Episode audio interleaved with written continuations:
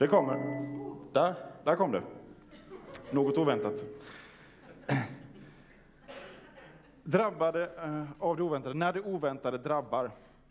Vi har fått se här en, eh, en skildring av eh, hur det kan ha sett ut när Maria berättade för Josef vad hon har fått reda på av ängeln. Och det blir ju en chock, det ser vi. Eh, och oavsett hur det tar sig uttryck. Bibeln ger kanske en lite annan eh, vinkel på det. Ibland gör vi dock kanske bibelläsningen lite för from, eh, lite för fin och högtidlig. Här en, en vardaglig gestaltning av, av någonting högst ovardagligt. När Maria får berättat för sig att hon ska föda en son som ska bli världens frälsare, den att vänta på. Och hon och Josef, de är inte ens gifta än. Så barnet är alltså inte hans. Ett besked som såklart chockar Josef och som han behöver smälta. Och som han till en början kanske inte riktigt är säker på, är det här någonting positivt eller negativt? Eh, kvinnan som jag ska gifta mig med, hon är gravid och det är inte, det är inte jag som ligger bakom det här, det, det vet Josef om. Så är det här något positivt eller negativt? Det behöver Josef, tror jag, smälta. Han behöver också Eh, få ett möte med Gud för att få ordning eh, på det här. När vi drabbas av någonting som är oväntat, någonting som vi inte vet någonting om, som vi inte har eh, kontroll över, då, eh, då skakar det lite. Eh, det är klart att det beror på vilken nivå det är. Men, eh, men när någonting allvarligt, omvälvande händer som vi inte är förberedda på, då är det nära till hands att bli lite osäker och känna att nu, nu skakar det lite. Varför? Ja, men för att vi vill, ha, vi vill ha kontroll. Och kan vi inte ha kontroll, om vi vet att, att någonting händer som vi inte kan kontrollera, då vill vi åtminstone ha eh, tiden och kunskapen och möjligheterna att förbereda oss så gott som möjligt på det som vi inte kan kontrollera. Sådana är vi som människor. Sen har vi Eh, lite olika eh, personligheter där. I vilken utsträckning vi är bekväma eller obekväma med det som ligger bortom vår eh, kontroll. Kanske har du hört uttrycket kontrollmänniska. Eh, kanske känner du dig träffad eh, av det uttrycket. Eh, jag är en kontrollmänniska. Eh, jag tycker det är oerhört svårt när man har planerat för någonting och sen så, eh, så händer någonting helt annat. Och det behöver inte alls vara livsomvälvande. Eh, jag tycker det kan vara nog så, så påfrestande när, när allt inte går enligt planen för en helgaktivitet eller vad det kan vara. Och det är klart att det kan sätta käppar i hjulet. När jag skrev mitt examensarbete i eh, teologiutbildningen så fick jag eh, ständigt kritik från min handledare över just det här. Eh, du måste släppa kontrollen. Jag är din handledare. Jag har rätt att se utkast från dig, men du ger mig bara färdigfilade dokument. Jag vill se din process, jag vill se hur du tänker och så kunna ge feedback på det. Här kommer du med som färdiga kapitel.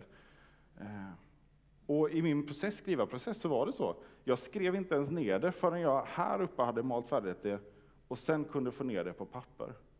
Jag vågade inte ens sätta det på pränt förrän jag hade processat färdigt ett helt kapitel åt gången i princip. Och då, då skrev jag inte på skrivmaskin, jag skrev på dator. Det var inga problem att klippa och klistra och flytta och så där. Ändå så var det så svårt att lämna ifrån sig någonting utan att ha fullständig kontroll på det. Det var ett exempel eh, som, eh, från mitt liv hur det kan eh, se ut. Och så så är det så här då med, med det Gud gör i världen och med oss, att han, han drabbar oss. Och han ligger långt bortom vår kontroll. Och det är vad, vad advent handlar om, att få förbereda sig inför julen. Julen som handlar om Jesu ankomst, att Gud blir människa. Det är någonting otroligt eh, omvälvande någonting eh, på många sätt eh, oväntat. Och det drabbar hela skapelsen, hela mänskligheten eh, på ett eller annat sätt. Eh, och det är det vi här nu får använda adventstiden till att förbereda oss på och få processa det här. Vad innebär det här? Och det är lite ironiskt då att vi under advent vill ha så mycket kontroll så att vi har till och med en särskild kalender för just advent där vi räknar dagarna fram till jul. Vi vill verkligen ha, ha koll. Eh, men då är mitt, eh, eh, mitt tilltal här eh, som jag vill förmedla till er, som jag tror eh, att Gud har gett mig, är släpp kontrollen. Eh, för att Gud måste få drabba oss. Gud måste få drabba oss bortom eh, vår kontroll. Maria får ett otroligt oväntat besked i det här änglabesöket och det är det här hon försöker berätta för Josef. Och hur, hur berättar man en sån sak? Och samtidigt så är inte det hon får reda på särskilt oväntat egentligen. Därför att det här är någonting som Gud har förberett under många, många år. Profeter har talat om det här tillfället att det ska komma en som ska ställa allting till rätta, som ska ordna i kaoset.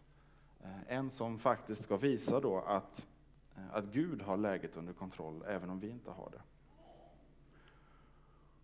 Och att han ska komma, födas av en kvinna, av en jungfru. Som människa. Liten, svag, vanlig, liten bebis som skriker och som man behöver byta blöjor på. Det är inte så vi förväntar oss en Gud. Det är inte så vi förväntar oss att Gud möter människor, mänskligheten. Ändå så talar profetierna om just det här. Och det är inte bara Maria som drabbas av det här, utan lärjungarna och folket, de som Jesus möter, drabbas också av det här och det oväntade mitt i detta. När Jesus, vi fick höra texten här om hur Jesus eh, ber lärjungarna gå och hämta en, en åsna. Vad gör den texten här? Det, den handlar ju om påsken. Eh, men här har vi våra två viktigaste högtider på, eh, på det kristna året, påsken och julen, som knyts samman idag. Här får vi en påsktext, därför att den berättar nämligen om vad julen är till för. Julen är till också för en, en förutsättning och förberedelse för påsken. Det Jesus gör på korset, när han dör för vår synd, när han uppstår så att vi får del av hans liv. Det är det som tron handlar om. Det är det som är det oväntade. Och det får vi en inblick om redan nu här eh, inför julen, när vi här står under adventstiden. Advent betyder just ankomst. Jesu ankomst. Otroligt oväntat och samtidigt finns inget som är så förberett och så förutsagt som just Jesu ankomst. Gud älskar paradoxer. Gud älskar när vi måste brottas med, med, med spänningen mellan olika saker. Så kommer här då ridande på en åsna en ödmjuk kung. Det är vad Sakarja profeterat om. En kung som kommer ridande på en åsna. Det är inte så kungar gör sitt segerintåg. De kommer ridande på en, en stor vit häst och med en här efter sig. Här kommer Jesus på en åsna med ett gäng fiskar efter sig. Och ändå så känner människor igen det här och hyllar honom som en kung. Därför att mitt i det oväntade så var de ändå i någon mån förberedda. De kände igen det de såg därför att de hade tagit Guds hintar genom skriften, genom historien. Förberedelser. Mellan 300 och 600 sådana förutsägelser finns i Gamla Testamentet som Jesus uppfyller. Det beror lite på hur man tolkar och, och räknar. Men det är många i vilket fall. Texter som talar om vem den som ska komma är, hur han ska komma, när, var.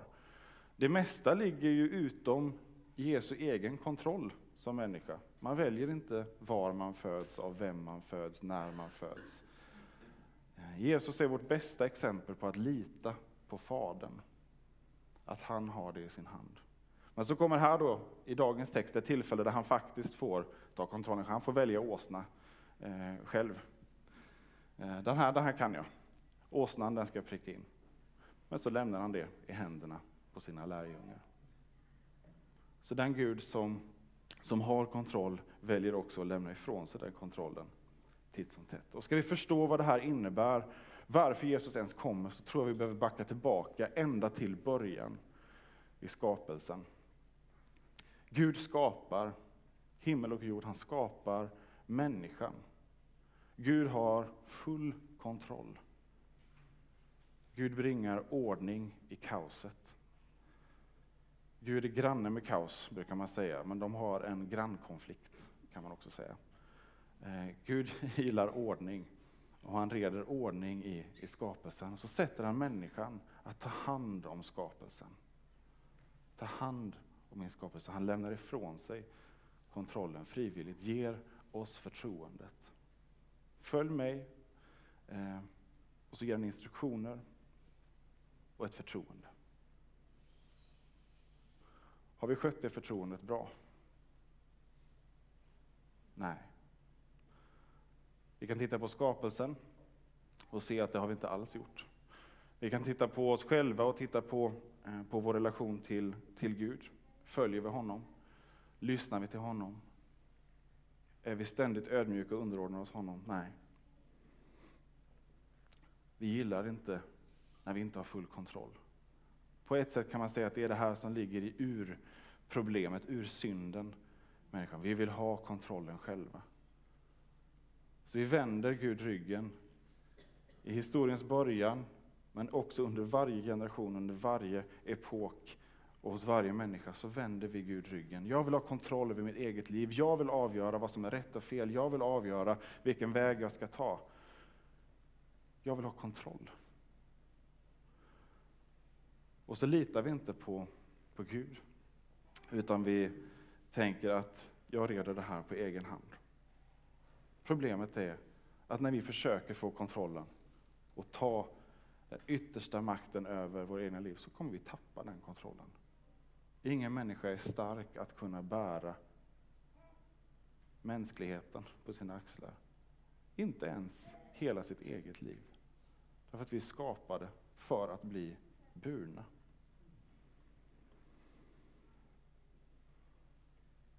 Och i desperation så blir det så också att vi överlämnar, när det rasar, när vi tappar kontrollen.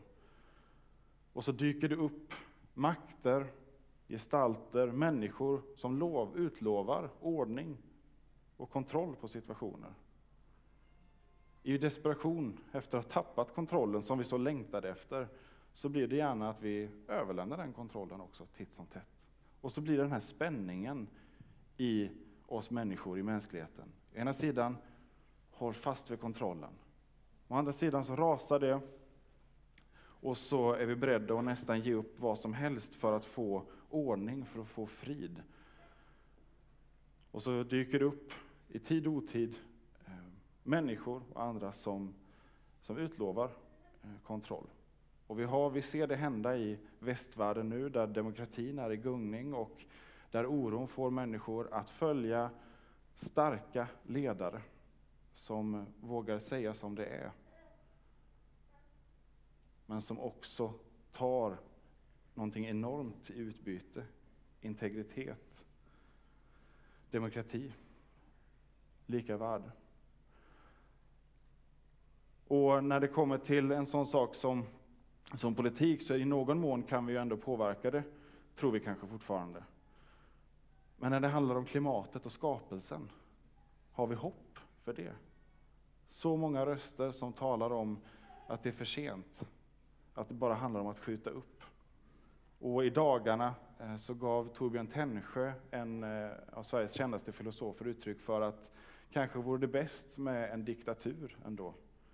För eh, i demokratin så, så blir vi långsamma, slöa och lata. Vi kanske behöver någon som bara tar makten och reder i det vi behöver. Är det någonting som skulle kunna få oss att acceptera en diktator, en diktatur, så är det kanske om någon idé lovar att få ordning på klimathotet.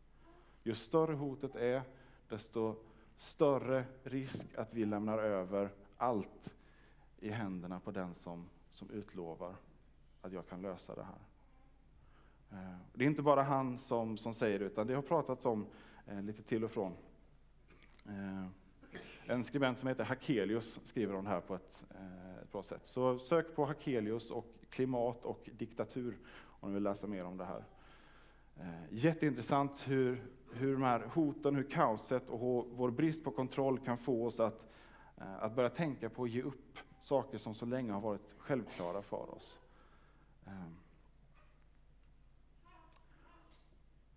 Och vad lär vi oss av historien när en människa eller några människor får för mycket kontroll över andra? Har vi något exempel på en diktatur som har burit god frukt? Nej. Vi människor ska inte ha den makten och den kontrollen. Det finns bara en lösning på det här. Och det är att vi istället för att tappa kontrollen, eller om vi har gjort det, överlämna kontrollen till den enda som kan ha den, nämligen Gud själv. Han som har skapat oss. Han är inte en diktator, han är inte en, eh, en härskare efter mänskliga mått. Utan precis som han visar i skapelsen så är han också en som, som överlämnar förtroende och, och kontroll. Men det förutsätter ett samspel, att vi också där är beredda att överlämna till honom det som tillhör honom. Jag tror att vi missar det. Vi missar vem Gud är och vad han eh, har för oss. Bland annat på grund av vårt, vårt kontrollbehov och vårt behov av att förklara eh, tillvaron och att leta efter desperata lösningar och åtgärder. Så missar vi det som finns mitt ibland oss. Det som på ett sätt har varit självklart i, i vår del av världen under många århundraden. Där kyrkan har fått utrymme att tala om det, där, där det inte är självklart längre. Där vi som kyrka behöver ta ett, två, tre steg fram och berätta om det vi tror är sant. För här har Gud valt att överlämna en stor del av kontrollen till sina barn, till kyrkan. Att berätta om det här, det är kyrkans uppdrag. Att berätta om just det här, att Gud blir människa. Kommer till jorden, besöker sin skapelse. Inte alls så som vi tänker oss en Gud, inte alls så som vi är beredda, kanske inte alls så som vi vill ha vår Gud. Alltid. Men Gud gör det här på sitt sätt. Och någonstans tror jag att vi eh, vi kanske anar det och längtar efter det. Vi vill ha frid. Vi längtar väl alla efter den där julefriden. Och samtidigt så besvikna när den inte dyker upp. Vi längtar efter stillhet, efter ordning. Antingen i, i kaoset i världen eller det existentiella kaoset som, som finns på insidan av oss. Och det finns bara en som kan ge det. Advent. Den här tiden är en inbjudan att tro på det här budskapet. Att brottas med det. Att väga det här. För att lämna ifrån sig kontrollen frivilligt är inte gjort så lättvindigt. Om man inte är på sitt yttersta, där ingen annan utväg finns. Men jag vågar lova dig, om du sitter här som funderar på, är det här någonting som ens är rimligt att tro på? Är det här någonting jag ska våga ta med? Jag lovar att alla andra som sitter här inne hur länge man än har varit kristen, eller var man finns någonstans, så brottas vi med just det här. Vi brottas med att lämna ifrån oss kontrollen. För det är någonting vi behöver göra om och om igen, dagligen. Att överlämna kontrollen till Gud. Gud som blev människa och som på det sättet visade sig ödmjuk som en tjänare som inte använde den makt och kontroll som, som rättmätigen finns där som, som Gud och som konung, som istället kommer ödmjuk. Kommer liksom in från kanten. Väldigt oväntat. Och på ett helt annat sätt än vad vi tänker oss makt och och seger och räddning. En Gud som offrar sig för människor Istället för att kräva att människor eh, offrar sig eller varandra för honom, som mänskliga ledare ofta gör. Det är oväntat. Och ändå så är det förberett sedan tusentals år. Så frågan är, kan vi frivilligt, eller kanske till och med lite motvilligt, men ändå släppa kontrollen till honom? Lita på att han som har och ska ha kontrollen kommer att bära oss. Kommer att bära oss igenom. Genom livet, genom vår tid. Tills den dag, när den än kommer, då han kommer tillbaka. Och också ställer allting till rätta. Vågar vi lita på det och vågar vi bjuda in honom? Även om det också innebär att någonting högst oväntat kommer drabba oss och att vi inte vet vad livet tar vägen efter det.